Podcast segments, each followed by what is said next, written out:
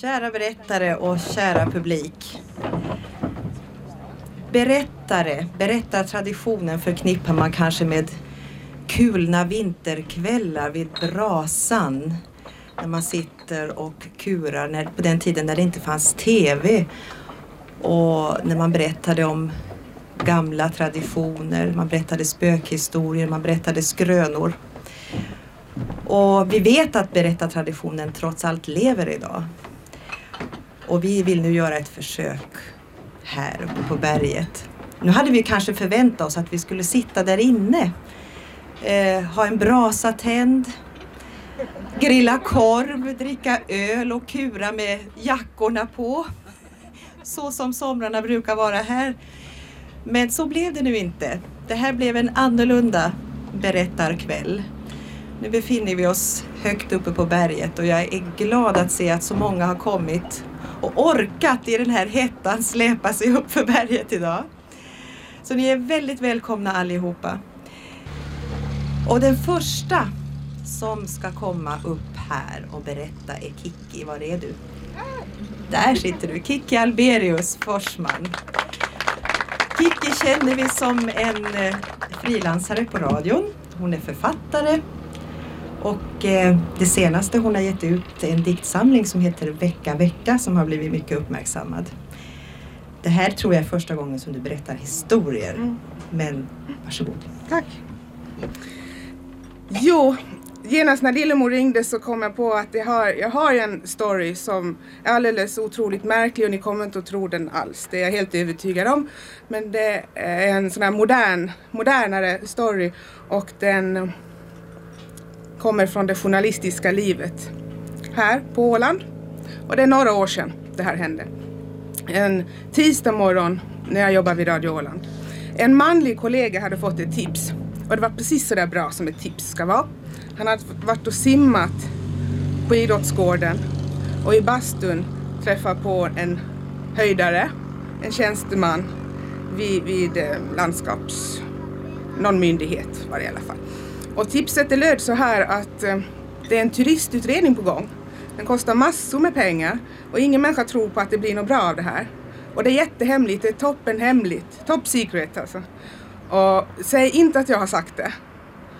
Och det här är precis något som jag i alla fall tänder på, jag tror de flesta journalister tänder på, på alla cylindrar när man får höra någonting sånt. Och det här tipset fick jag då att jobba på. Så sätter jag mig i telefon. Hela förmiddagen går åt och ringer och ringer politiker och tjänstemän här och där. Och alla säger i stort sett detsamma. Att jo, det är en jättestor turistutredning på gång och det kommer kosta massor med pengar. Men det är top secret och säg inte att jag har sagt något. Och det blir liksom mer och mer spänning av fler och fler samtal under dagens gång. Men vad jag lyckas mjölka fram det är att en arkitekt vid namn Lennart Bergström ska komma till Stadsstyrelsen den kvällen klockan åtta. Och så fortsätter jag nog ringa runt men något mer vet jag inte. Jag vet de här nu tre punkterna att det är en hemlig turistutredning på gång, den är top secret, den kostar massor med pengar, ingen tror på den. Och säg inte att jag har sagt det. Alltså, det där återkommer många gånger. Och så den är Lennart Bergström på Stadsstyrelsen. Och sen var det stopp, sen fick jag inte fram något mer. Och då tänkte ska jag ta en rövare, att om han, nu, och han var nu från Sverige då, från en konsultfirma. Att om han nu är från Sverige och ska prata på Stadsstyrelsen ikväll så tog jag en rövare så ringde jag Hotell Arkipelag. Och så frågade jag sådär helt kall i rösten, kan jag få Lennart Bergström tack? Och så svarar hon att ja Lennart Bergström, har, jag vet inte men vi har L Bergström står det här. Så tittar hon då på sina listor. Och så kopplar hon mig till L Bergström. Som svarade. Och så sa jag då att jag den och den från radion och då och då. Och får jag komma och, och prata med dig om den här turistutredningen? Och först var han nu lite sådär vag och, och stammande men jag tänkte att det beror ju på att det är så top secret det här. Så då måste han ju vara lite tveksam. Men jag fick komma och han sa att jag skulle komma till hans hotellrum och det där var ju lite mystiskt men okej. Okay. Det fick ju gå. Jag var ju väldigt nyfiken på vad det här var för utredning. Nå, och så åker jag dit. Och eh, den här mannen nu som öppnar, han har jeans, han har svart tröja och han är ung, han är 25-30 år. och vi börjar prata turism. Och bland det första han säger då, det är att Åland är egentligen ganska fantastiskt. Att titta här, slår han ut med armen. Och utanför hans fönster så var Slemens is. Och det var fullt med folk och det var soligt. Att se att man kan gå direkt från hotellet ut på en solig is, det här är något som borde marknadsföra mera. Eller vad tycker du? Så säger denne Bergström, ja jo visst jag håller med honom. Och så pratar han annat om att, att uh, han hade fått någon dålig service i någon butik och det var krångligt med det där med mark och att vi borde ha kronor. Och han hade mycket åsikter. Jag tänkte, han var en mycket fräsig och ung turistutredare som kommer nu att och, och göra massor med pengar på landskapets utredning. Och så tar jag fram min bandspelare och säger att nu måste vi börja intervjun. Och då säger han att nej, jag ställer inte upp på en intervju, jag har bara lurat dig. Jag är ingen turistutredare, jag heter inte Lennart Bergström, jag heter Lasse Bergström. Och jag är målare från Stockholm. Och jag har ingenting egentligen med turism att göra. Och jag, då vet jag inte vad jag ska tro. alltså, vad är det här för karl? Lurar han mig nu eller har han lurat mig tidigare? Jag vet varken ut eller in. Och, och vi sitter länge där och gafflar om och jag försöker övertyga honom om att han är turistutredare, Lennart Bergström, och han nekar. Och, han, och så kommer bara, det, det går inte att jobba vidare med det här. Utan så måste jag nu då tyvärr ge upp och ringa till redaktionen och säga att det här blev ingen intervju. Jag fick ingen skop alls av det här mötet med den här karln. Men jag, jag talar inte om för honom att jag vet att Lennart Bergström ska komma till Stadsstyrelsen klockan åtta på kvällen. För det tycker jag att det är min trumf det. Att jag ska gå dit och stå där i korridoren och då ska han minsann vara där. Och det var bara för att det var så top secret som han säger att han är målare Lasse Bergström. Så i god tid då, halv sju, no, eh, halv åtta minst, så är jag i, i Stadshuset. Och, och det kommer ingen inte den här fräsige karln från Hotell Arkipelag och ingen annan som kan tänkas vara någon Lennart Bergström heller. Och, och, eh, och så frågar jag jo, Stadsstyrelsens ordförande då va, om det var någon sån här turistutredare på kommande, turistutredare på kommande och det var det mycket riktigt. Men att det var top secret. Och säg inte att jag sagt det, det var ungefär det. Och han bad mig gå hem. Och det ska man inte heller bli en journalist för då går hon, eller han absolut inte hem. Utan då vill man gärna stanna kvar och se vad som händer. Men man, jag fick ju inte vara med på själva sammanträdet. Men jag lyckades höra så här i snacket bakom att, att eh, någon Lennart Bergström skulle komma med någon plan från Stockholm. Detta var på den glada tiden när det gick gott om flygplan mellan Arlanda och Mariehamn. Så jag åker ut i flyget och varenda karl som ser ut att kunna heta Lennart Bergström går jag fram och frågar till Lennart Bergström, nej, nej, nej, jag får inget napp. Och så åker jag tillbaks till stadshuset och sitter där nere. Och uppe, vet ni, i korridoren, man hör nog ganska bra faktiskt ut där genom dörren. Jag tänkte jag skulle kunna gå upp och sätta mig och tjuvlyssna. Men jag tycker inte riktigt det är schysst heller.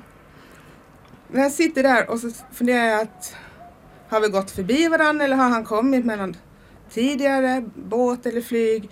Eller är det ändå den här fräsige karln som påstår sig vara Lasse Bergström som har smugit in någonstans och gömt sig? Så jag sitter där nere i den här soffan och bara väntar och funderar att möjligen så får jag någon när sammanträdet är över då.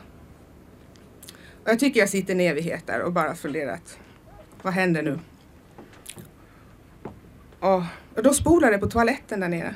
Och jag tycker jag har suttit där en kvart, jag förstår inte. Jag har inte sett en människa. Jag har suttit alldeles ensam. Men det är någon som har suttit väldigt länge på toaletten. Måste det ha varit. Och så utkommer en karl som jag aldrig sett förut. Och eftersom jag nu var i tagen den dagen så går jag fram och frågar är du Lennart Bergström? Jo, säger han då. Så äntligen har jag hittat min turistutredare. Och så frågar jag om jag får ställa några frågor på en intervju. Det fick jag väldigt gärna. Men han, jag vet inte, det sa inte så mycket. Men han, han berättade att det var en stor utredning på gång, ja.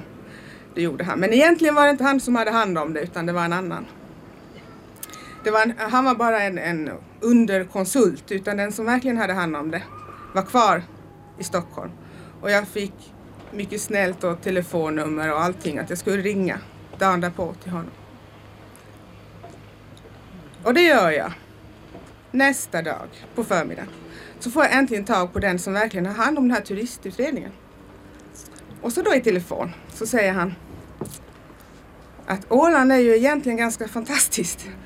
Att se bara det här med Slemmens is på vintern. Direkt från hotellet kan man gå ut på isen. Det borde marknadsföras bättre, eller vad tycker du själv? Senare på den eftermiddagen så, så ringer Lasse Bergström och ber om ursäkt för han har lurat mig i början. Han lurade mig alltså först. För han hade tråkigt. Han var en sån här vinterturist. och, eh, och tyckte det var roligt med någon journalist som ville höra om turister och, och tyckte att det där kan man väl ställa upp på en intervju. Men, men eh, så, så berättade han varför han var på Åland. Han hade rymt från sin familj. Hans sambo hade just fått barn. Det var bara ett par veckor gammalt och han, det hade blivit sån kaos i hans familj och i, sitt, i livet så att han rymde och satt på ett hotellrum i Mariehamn. Det var han det. Tack.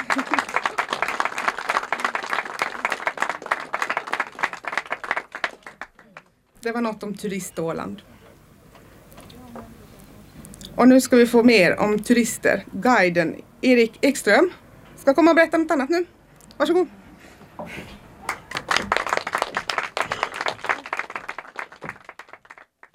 Ja, god vänner. Det är verkligen skojigt att se så många här på den här underbara platsen.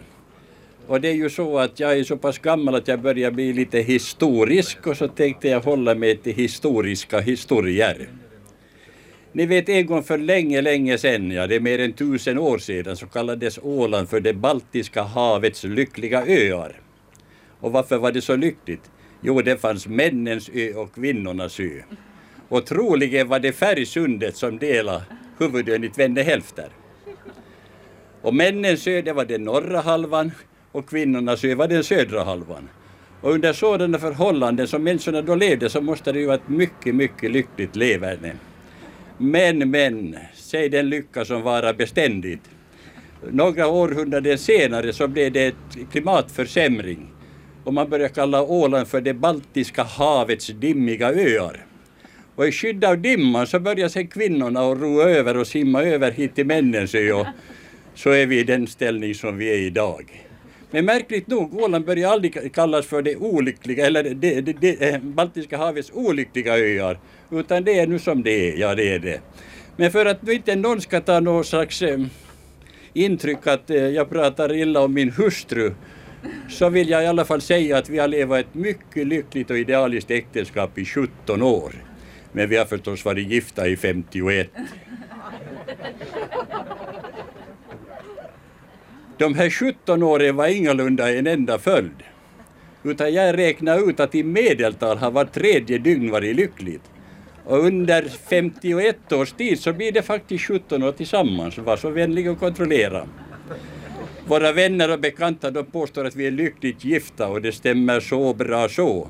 Om man ser det på det sättet att hon är lycklig och jag är gift. De påstår också att vårt äktenskap grundar sig på ömsesidig förståelse. Det är också mycket riktigt. Hon ömsar sidor och jag har förståelse. Men var det nu hur som helst med detta, en god hustru får man aldrig för många av. Tack ska ni ha.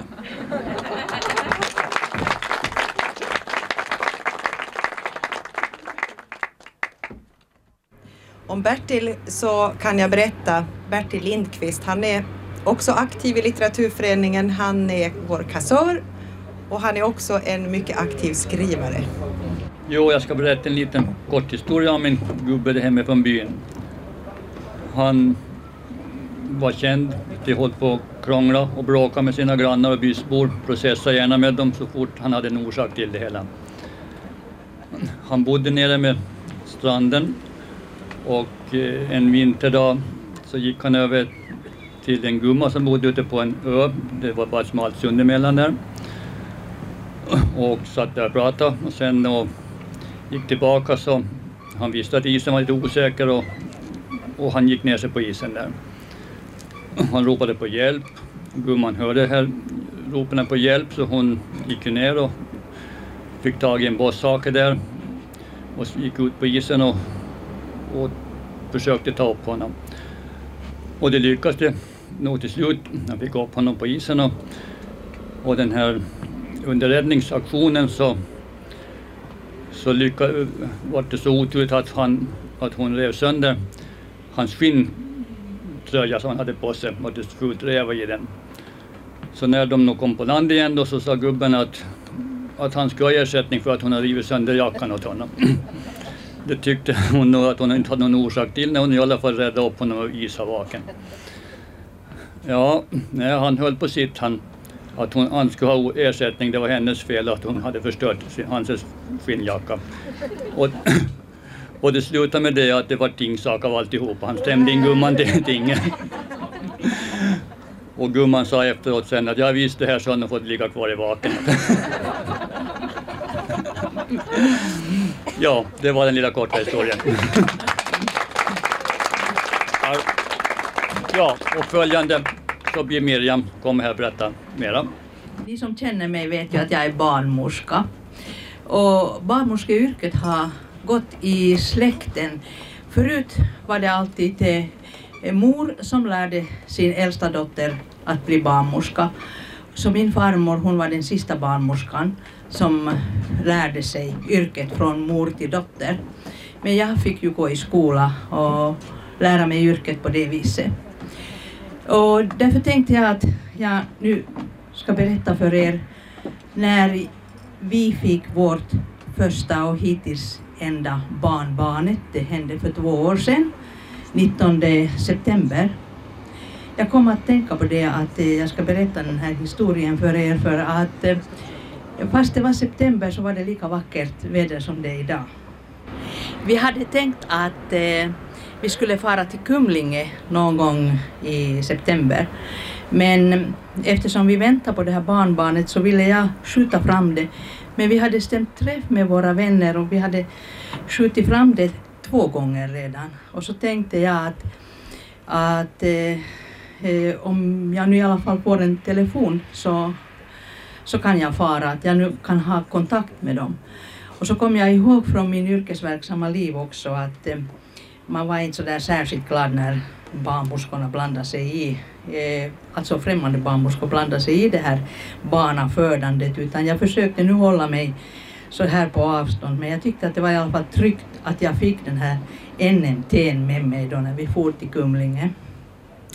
Nå, vi hade varit där en dag och ingenting hände men sen på lördag morgon i september blev det så här vackert väder som det är idag och min man sa åt mig att vi måste fara ut på sjön så sa jag att eh, vi ska vänta lite nu. Och så ringer telefonen då och då berättar vår son då att eh, de har åkt in till BB. Och dagen gick och vi väntade och det hände ingenting och jag kunde i alla fall låta bli att ringa. Jag tänkte att jag ska nu inte blanda mig i det här. Men min man sa att det är så vackert väder, vi ska fara ut på sjön. Och då så sa jag att nej, nu far vi inte ut på sjön, inte just nu. Utan um, jag gick och satt mig på terrassen och då började jag diskutera med, med mor till mitt blivande barnbarn. Och jag sa åt henne att nu ska du krysta och du ska krysta och du ska krysta och jag krystade med henne och jag satt och krystade. Och mitt i allt så flög det en fågel, satte sig i toppen på enrisbusken och började sjunga. Då sprang jag in och sa nu kan vi fara. Jag tittade på, bara på klockan, den var halv tre. Jag tog NMT med mig och vi for ut på sjön och vi var nere ute på delet och så ringer telefonen och sonen berättar att vi hade blivit farmor till en liten flicka. Farmor och farfar. Och jag frågade vad var klockan när hon föddes. Klockan var halv tre. Då kom jag att tänka på min farmor, då som hade varit barnmorska. Och när hon var lika gammal som jag så var hon farmor och mormor till 35 barnbarn och hon hade hjälpt dem alla till världen.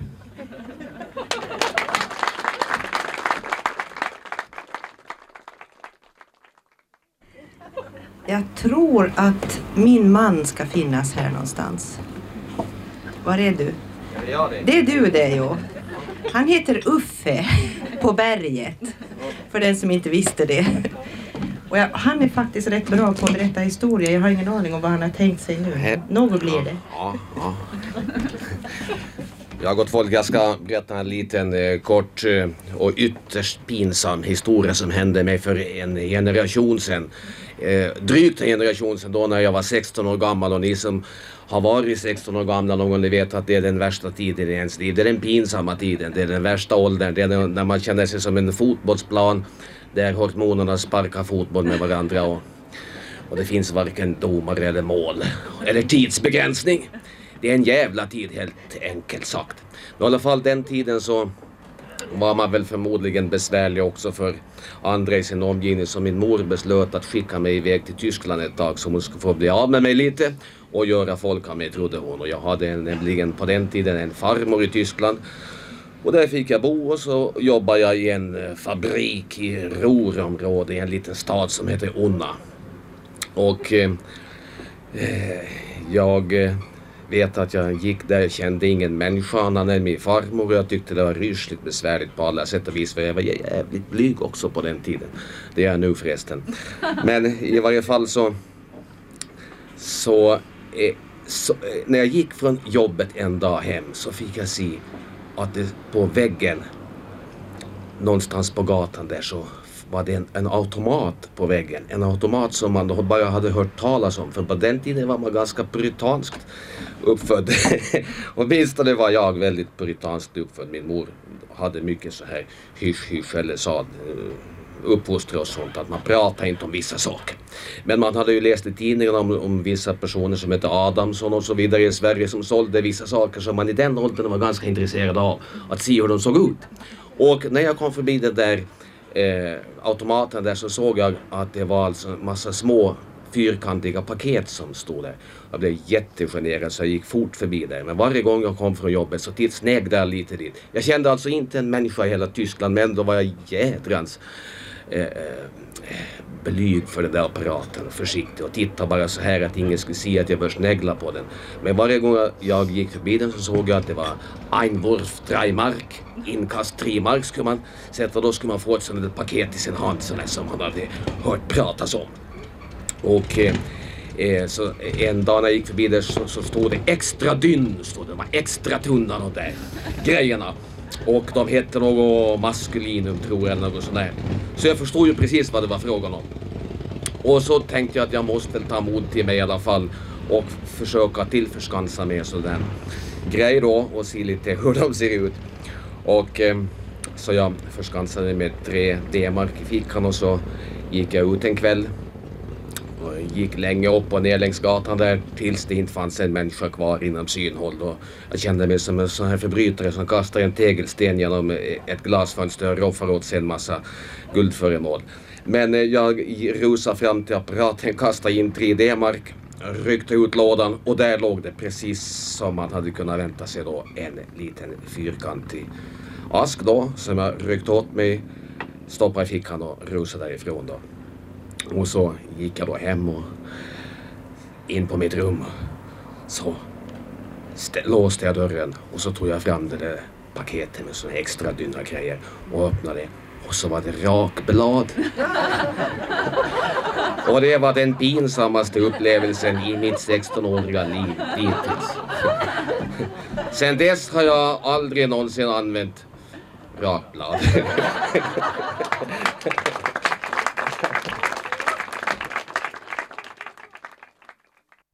Leo Lötman. Han har blivit en berömd författare. Varför inte Tile? Ni som inte har läst den, så läs den. Ja. ja, det är svårt att ljuga i den här värmen så jag ska precis bara berätta sanningen för er. Eh, dessutom så ska jag passa på tillfälle att göra reklam för min eh, nästa bok och argumentera för generösa författarstipendier. Eh, jag fick ett sånt eh, förra sommaren. Det var eh, Nordiska ministerrådets arbetsstipendium för att åka till Färöarna och skriva. Och jag tyckte ju själv att, att det är ju lite väl flott av skattebetalarna att skicka iväg oss sådär på så kostsamma resor. Sånt kan jag, som jag behöver för min nästa bok kan jag ta reda på var som helst. Det finns ju, vi har ju tillgång till en, en uppsjö av fakta omkring oss, vi kan slå upp det och så vidare. Men eh, eh, det är ju egentligen så, som jag hörde någon uttrycka det, att eh, eh, kunskap utan känsla, det är bara data. Och vi har ju mängder av sådana här data omkring oss. Sån här, jag hörde någon kalla det, låter väldigt fint, algometrisk kunskap.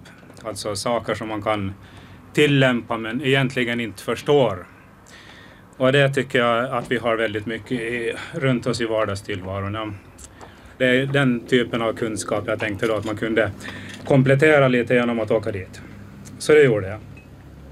Och då tänkte jag prata lite om vad, vad det kan bli överraskande utfall av en sån där resa. Jag hade ju tänkt mig då att man lär sig lite, alltså min nästa roman utspelar sig i en nordatlantisk eh, kärvmiljö. Och jag tänkte att jag lär mig lite om en sån då. Jag, jag Eh, lära mig mer om, om, biologi och klimat och förhållandena där ute. Och det gick ju inte alls så, jag lärde mig helt andra saker. Uh, ja, jag åkte dit. Och uh, först uh, hade jag familjen med, vi oss omkring och det är de vackraste öar som existerar, de där Färöarna. Så det var alldeles ljuvligt. Och sen åkte min familj därifrån och jag satte igång och jobbade på allvar. Jag isolerade mig ganska mycket, jag höll till på ensliga platser och jag skrev väldigt mycket. Och eh, som det går vid sådana tillfällen så, så blev jag lite eh, knasig i huvudet. Eh, och eh, ja, det blir nog bara så. Det börjar gå varmt i skallen på mig helt enkelt. Och så tänkte jag en kväll att jag kopplar av då. Jag skulle läsa en bok istället. Jag läste Claes Andersson. Och på ett ställe så skrev han om, om eh, när Axel Sandemose kom i samma skick då. Han, han började gå, gå het i skallen. Så då gick han ut i skogen och ställde sig som ett träd bland andra träd och så stod han där en hel natt kanske. Tyckte att det där låter ju förbaskat bra det. Och så gjorde jag som man gör på Färöarna när man går ut, även om inte sommar, en massa kläder på, så vandrade jag ut och tittade mig omkring och så slog det mig att tusen, jag har ju tusen kilometer till närmsta träd i Norge. Så eh, Sandemoses metod kanske är bra men inte på Färöarna. Eh, då gjorde jag som så att jag gick till en eh, författarkollega på Färöarna, Jens Pauli Heinesen. Tänkte att jag växlar några ord med honom för att det börjar bli lite akut det här. Alltså det, det, det börjar törna som man säger på Åland. Och så gick jag till, till Jens Pauli och sa att hörde du, det börjar törna för mig. Eh, jag, jag börjar bli, alltså det här författaryrket har som biverkan att man blir så fruktansvärt egocentrisk eh, och, och, och hela den här introverta mödan då som gör att man inte, eh, ja, det, det, jag klarar inte av det mer. Och då kunde han upplysa mig om det att, att det här egocentriciteten det är ingen biverkan utan det, det är det som är själva arbetet, sa han. Att det gäller att, att uppnå yrkesskicklighet i att vara egocentrisk. Det, det, var väldigt bra att få höra det, så att jag började bli väldigt yrkesskickligt egocentrisk. Det gav en helt annan, ett, en helt annan approach så där man kunde jobba med det på ett mer positivt sätt. Och det gjorde jag. Och det gick ganska bra, jag jobbade hårt. Men sen tyckte jag så småningom att jag måste ju vara något lite social och kanske koppla av lite. Och det blev, jag tror det är exakt ett år sedan så drog det ihop sig till Olai-dagarna på Färöarna. Och, och då, Eh, jag vet inte riktigt deras historiska bakgrund, men det fungerar bland annat som någon sorts eh, nationaldagar. Och jag tänkte att där ska jag vara med. Och jag hade förstått att man eh, drick, dricker lite alkoholhaltiga drycker och sånt på Olai-dagarna så jag vandrade iväg till Rusdräckasålan, Rusan säger de allmänt, eh, för att köpa en butelj åt mig och vara med. Och när jag kom dit då, så då förstod jag att det här är seriösa tag. Det är inte vilken vanlig flunderfest som helst. Det var, det var eh, åtta kassor som körde för högtryck och kön var ett helt kvarter. Och när jag kom närmare så såg jag att ingen människa kom med en, en plastkasse därifrån, utan alla bar i lådor. Så jag köpte mig en låda Svarta döden och så gick jag ut och, och var med. Och det var, jag blev imponerad av det där. Alltså man kan ju lite rygga för, för grovt supande, vissa människor åtminstone. Och, och det var det ju. Men det, det fanns en sån eh, enorm värme där. Det fanns ingen aggressivitet. Man kunde komma vandrande på morgonen hem och vandra rätt igenom ett torg där det var tusen ungdomar som stod och skrek och vrålade. Och jag tvekade lite men så gick man rätt igenom och, och om man nu lite råkade knuffa någon så bara hjälpte de en till rätta och sa hördu gamle man du ska ditåt. Det var otroligt vänlig atmosfär. Fast man vadade i glas och det var såna, stan alltså den var så, det hängde sådana spritångor över stan att, att skulle till äventyrs ha kommit en nykter människa dit skulle inte ha varit nykter länge. Men det var, det var värme och, och en viss stil över det där. Det var idrotts och kulturevenemang som löpte hela tiden under den där dagarnas gång och någon gång på fjärde dagen så råkade jag vara i lag med hästmänniskor och var med på galopptävlingarna. Räknade mig som lite coach där och vår häst gick bra. Den blev tvåa. Urdur Drangur blev tvåa. Och det skulle förstås firas. Så då gick vi hem till några bekanta. Det var folk som var generationen ovanför mig. Och eh, så satt vi nu där och det hade nog gått några dagar och jag vet inte om det är någon som inte har provat på att festa några dagar så vet ni att det, det, sinnesstämningen förändras lite grann. Och så satt vi där och så började de här människorna som var lite äldre än jag berätta om hur de såg på världen när de var unga. Eh, då hade de bara sitt horisonten och sina berg, ingenting annat. Och de hade hört eh, förmän berätta ibland om att det fanns någonting som hette världen där runt omkring bakom horisonten och det fanns allt möjligt fantastiskt där i, i den här världen. Och så sjöng de en sång då som hade blivit en, en symbol för dem på något vis, för den här världen. Uh, have you ever been across the sea to Ireland? Irland hade blivit symbolen för allt det underbara, det varma och mjuka som existerar någonstans där under horisonterna. Om det är någon som har hört den sången, jag förstår att det är en gammal slagdänga, så ska jag väldigt gärna få noter eller något sånt. För jag kommer inte ihåg hur den går inte. Det har säkert att göra med att festen hade hållit på några dagar. Eh, men i alla fall då, så då just när, jag, när vi satt där och hade firat och la i dagarna ordentligt och efter alla de här mördarna, så, så då fick jag liksom en sån här vision av, av omvärlden. Jag ska säga det, min nästa bok, jag får inte ut så mycket om det nordatlantiska klimatet som jag inte kunde ha fått ur böcker och så vidare. Men då fick jag en vision av hur omvärlden kan se ut när man lever väldigt isolerat där ute. Hur, hur fantastisk den blir. Och den då i kombination med min egen kännedom om hur jävlig omvärlden egentligen är, hur exploaterat och skövlat, skövlade de är de här kontinenterna som ligger på vardera sidan om, om Färöarna. Så det där gav ett eh, för mig ett sånt här helt fantastiskt perspektiv som jag tycker att jag inte kunde ha fått någon annanstans ifrån än att resa dit och vara med där och göra precis de här sakerna och bli tokig precis på det sättet. Så det tycker jag belyser ganska bra. Alltså det måste finnas sådana här författarstipendier. Man vet inte exakt vad de kan leda till, men de kan leda till någonting väldigt bra. Och det här som förhoppningsvis är väldigt bra så hoppas jag att ni köper i september för då kommer den ut. Tack!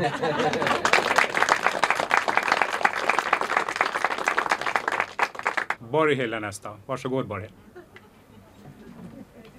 Jag sa åt Miriam att jag inte kunde några historier. Men så kommer de här guiderna och vill att jag ska berätta hur det gick till när, när jag körde i diket i Geta med Gunhild Selenius. Ja, det vill säga jag körde bil, men Gunhild satt bredvid. Saken var den att jag hade lovat ordförande i, i Geta ungdomsförening, han var olycklig på, efter program till en programfest som han skulle ha. Så jag lovade att jag skulle komma dit och, och, och hålla ett så kallat föredrag.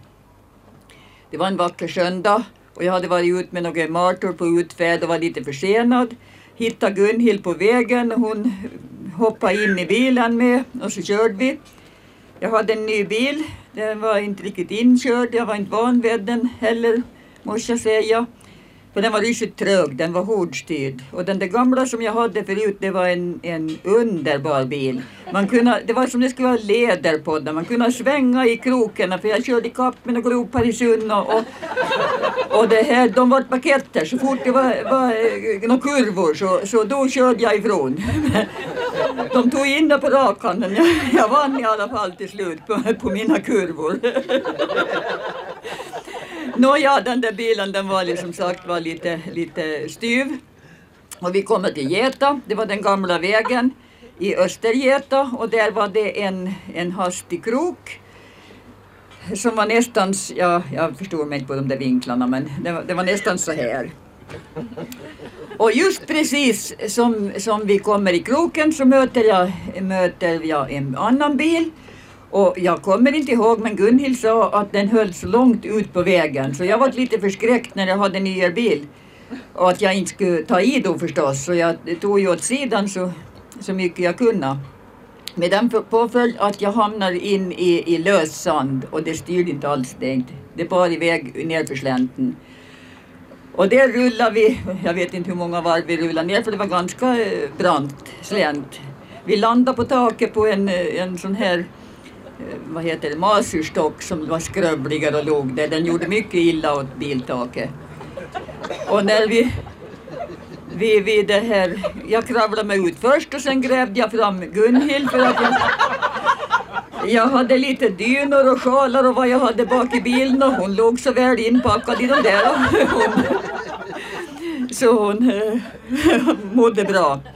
Och när vi har kravlat oss ur bilen, den första som kom på vägen förbi sen och stannade så var det ju han här, en kille som var på Ennebergs begravningsbyrå. Men jag ropade åt honom att kör vidare du bara, sa jag. Du har, du har ingenting att hämta här idag. Och, och sen kommer jag nu inte ihåg, det var någon som kom sen så vi, så vi liftade till, till eh, Furulund. Men på något underligt sätt, jag kan inte påstå att jag var chockad, men jag, jag, jag kunde inte komma ifrån tanken hur det riktigt gick till det där och hur jag bar mig åt. Och jag hade inga skrivit något föredrag utan jag hade lite stolpar men jag var så omtumlad så jag kunde inga prata något med det där inte. Jag sa åt Gunhild du får prata något istället du. Så hon kåserade lite om, om, om sådana här vitsar som hon berättade för, för eh, turisterna när hon var ute och guidade. Men när hon kom tillbaka sen så sa jag att nu glömde du den, den bästa vitsen. När du får och guida nästa gång så får du säga åt eh, passagerarna att det är en, en underbar service på vägarna på Åland. För kör man i diket så är begravningsbilen först på plats.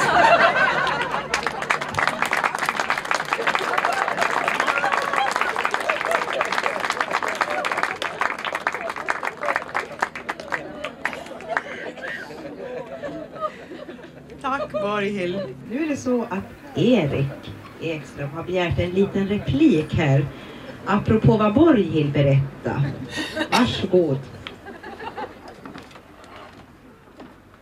Ja, jag vet inte om man ska kalla det replik precis, men att det har lite med bilar att göra.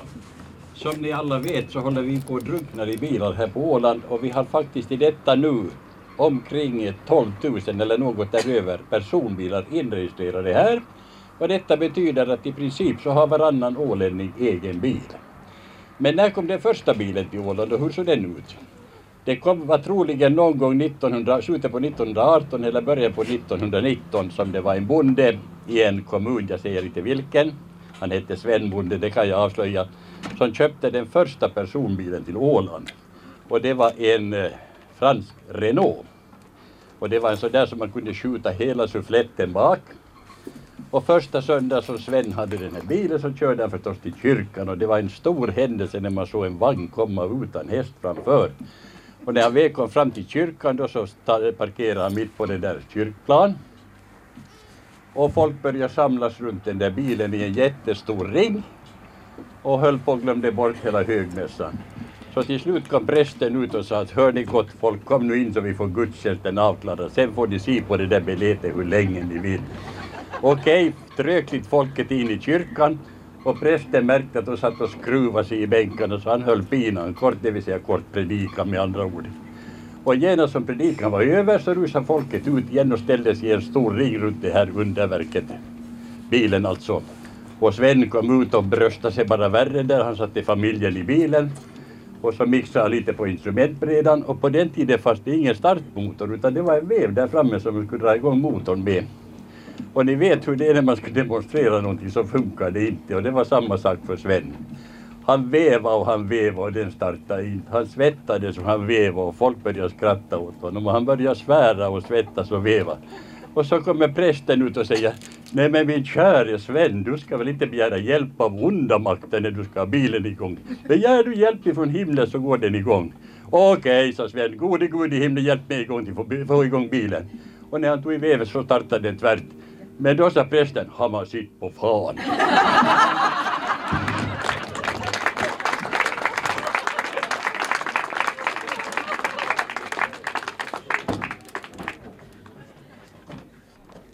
Jonny. Var är Jonny? Där är Jonny.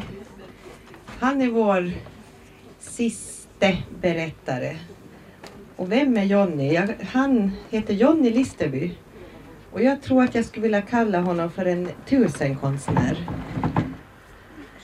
Du får eh, fria händer att berätta vad du vill. Jag vet inte vad det blir. Tack. Jag ska i alla fall börja med att ta en liten kortis då. Eh, faktiskt som är helt självupplevd. Eh, jag kommer att tänka på den faktiskt när jag hörde det här om bron och så. Och under den, jag satt och tittade på hur segelbåtarna här seglar under Färgsundsbron och det är väl ingen konst, det kan man ju göra. Den är ju ganska hög, Färgsundsbron. Men jag tror inte att det är så hemskt många som har seglat under Bomarsundsbron. Det kan man kanske göra om man har en liten, liten, liten segelbåt med en kort, kort mast. Den är väl två och en halv meter hög eller någonting sånt där, den bron, skulle jag tro. Och förra gången det var så här varmt, så i alla fall som jag minns, så var det ungefär 25 år sedan. Och då var vi för första gången ute och seglade skötbåt. Och vi visste ingenting om hur man seglar båt och hur man navigerar och hur man tolkar och läser ett sjökort och sånt där. Utan vi seglade på helt friskt. Och det var sådana här varma dagar och varma nätter. Man behövde inte ligga i sovsäck eller någonting sånt utan man kunde lägga sig bara på de här solvarma klipporna direkt och sova och ha det skönt på natten. Och så höll vi på att kajka omkring och så småningom så kommer vi fram då Eh, vi kommer norrifrån och kommer ner då mot Bomarsund, det här sundet mellan Prästö och Bomarsund. Och det är med ström och det är med vind och det är någonting som vi sen förstod att kallas för platt läns när vinden kommer precis rakt akterifrån. Och vi satt och funderade där, kommer vi under den här bron eller inte? Eh, det var nog en sju meters mast på den här båten. Det var egentligen en skötbåt, det var en lotsbåt som var byggd i Finnö och köpt därifrån som man hade när man lotsade eh, där ute. Nå, vi diskuterade sen, nej det ser alltid mycket lägre ut så här på håll utan kommer vi nära och så så ska det nog säkert gå bra det här. Eh, och vi närmar oss med god fart och eh, vi börjar fundera, nej det ser nog lite lågt ut i alla fall det här. Att, eh, hur ska vi bära oss åt? Som tur var så var den här båten riggad på det sättet att masten stod lös i båtbotten i någonting som kallas för en fisk. Och så hade man två, två vantar alltså som går lite, lite snett bakåt. Och sen så har man ett förstag fram och där framme då så har man en vantskruv. Så det är väldigt enkelt att resa de här masterna. Man liksom har masten bakåt och sen så bara reser man den framåt och sätter fast den här vantskruven där framme. Så sitter det och så är det jättebra allting. Så vi tänkte för säkerhets skull så ska vi nog ta och lossa på den här vantskruven i fören om det visar sig att vi inte går under bron i alla fall. Så då kan vi ta och fälla masten och ro under. Men att vi var ju lite ovana med eh, det här och tajmingen och tidsberäkningen funkar inte alls som vi hade trott så att vi närmade oss med en väldigt god fart. Och jag gick fram och satt mig gränsle om, om den här förstaget, hade det mellan benen då och satt liksom med, med fötterna på varsin sida om försteven där och så började jag lossa den här, den här vantskruven och skruva. Men det brukar ju vara så här förargligt med vantskruvar och med andra skruvar att de här första gängan är lite skadad, fått en liten litet hack, en liten knack har blivit till så att det är trögt och kärvar där. Så att jag fick helt enkelt inte upp den här vantskruven. Skeppare Klas som satt vid rodret blev eh, väldigt orolig och han liksom börjar skrika för de upptäcker ju nu att nu är vi bara fem meter från bron och det här kommer absolut aldrig att gå. Folk kommer springande både från Prästö och Bomarsund ut på bron och stopp, stopp, stopp, det här går inte, vänd, vänd, vänd. Men att det, det, var så pass kraftig medström och så pass kraftig medvind så att det liksom, och han var väl lite paralyserad också i sin ovana skeppareklas så han liksom bara satt där och skrek liksom att ta ner, ta ner liksom masten, ta ner seglet och sådär. Och jag kunde helt enkelt inte göra det. Så att med full fart så seglar vi rakt i Bomarsundsbron. Och det säger pang, lite pang bara, inte så farligt. Men tillräckligt så att den här sista liksom gängan lossar från vantskruven.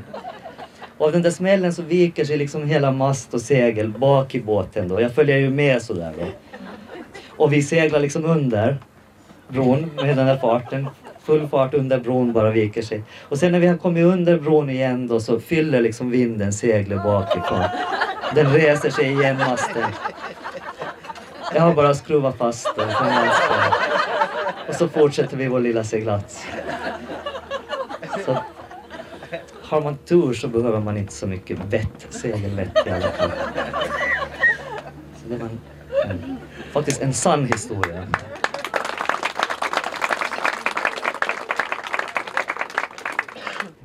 Jag ska ta några sådana här som, är, som jag inte vet om är sanna eller inte, men som jag hörde och som kanske härstammar sig lite till den här segelfartygstiden. Och det här kommer då från Pommern, den här första. Och det var ju så här att, eh, som ni vet, man hade ganska dåligt om mat. Det var mycket salt, salt, salt och sådant. Men sen så emellanåt så kom den här lyckostunden, lyckodagarna när man slaktade grisen.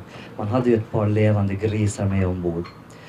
Och här var ett sånt tillfälle, nu skulle grisen slaktas. Och det där var Timmermans jobb att slakta grisen och ta ur den och så. Och det var en väldigt duktig karl den här timmermannen förstod jag, men att eh, han hade ett litet fel som vi har lite berört, vi andra, andra berättare har lite berört det i kväll. Jag kanske inte ska säga fel, ett litet personlighetsdrag. Och det var att han söp till emellanåt. Han hade ju sin egen hytt när han gick dagman och han kunde liksom då göra sina brygder med, med russin och, och gäst och, och vad det nu var. Och sen så var han helt borta en två, tre dagar. Och då oturade det sig, sig så att den här, hans superperiod så sammanföll med den här dagen man hade bestämt att nu skulle grisen slaktas. Okej, okay. Eh, man var och purrade honom och försökte få liv i honom och sa upp nu Timpa, upp nu Timpa, vi ska ju slakta grisen. Och han bara så, sådär som de, som de säger. Har jag hört? Kanske Leo kan berätta mer om det. Eh, och de purrade honom igen och de fick inte upp honom. Okej, då tänkte vi att vi slaktar den här grisen själva. Inte behöver vi Timmerman till det ändå, även om det är hans jobb. Så att man gjorde det. Och eh, det gick ju bra. Men sen när man tog ur den här grisen så tänkte man någon slags straff så ska han väl ha ändå för det här att han lät oss göra eh, hans jobb egentligen. Så vi får hitta på någonting och då var det någon jäkel där som hittade på en ganska elak grej och det var att man, de, det här inkråmet som man hade tagit ur grisen så gick man, la man i kojen hans. Och för att göra det lite mer illus, den är ganska äcklig den här faktiskt. Och för att göra det lite ännu mer illusoriskt så tog man lite sån slams och satte in i mungipan på honom. Så att när han vaknade liksom så, första han såg så var det där liksom så kommer munnen och låg bredvid honom i kojan. Då skulle han få sig en tankeställare tänkte man. Och man gick ut och fortsatte jobba med köttet och saltade och sådär tillredde det och det tog väl en tre, fyra timmar så kommer Timmerman ut och alldeles grön och blek och vacklar och ser väldigt dålig ut. Och de undrar, vad är det Timpa liksom? Att, hur är det med dig? Nå, jag ska nog sluta supa nu, säger Timmerman. Ja, vadå då liksom, varför det? Ja, ja, så dålig som jag har varit nu så har jag nog aldrig varit, sa han. Att ni, ni skulle inte tro om jag skulle berätta det. Men, sa han och så höll han upp en sån koffertnagel, en sån pinne som man har när man uh, sätter fast fall och skot och sånt i en nagel. Så men med hjälp av den här koffertnageln och lite god vilja så fick jag tillbaks nästan alltihop igen.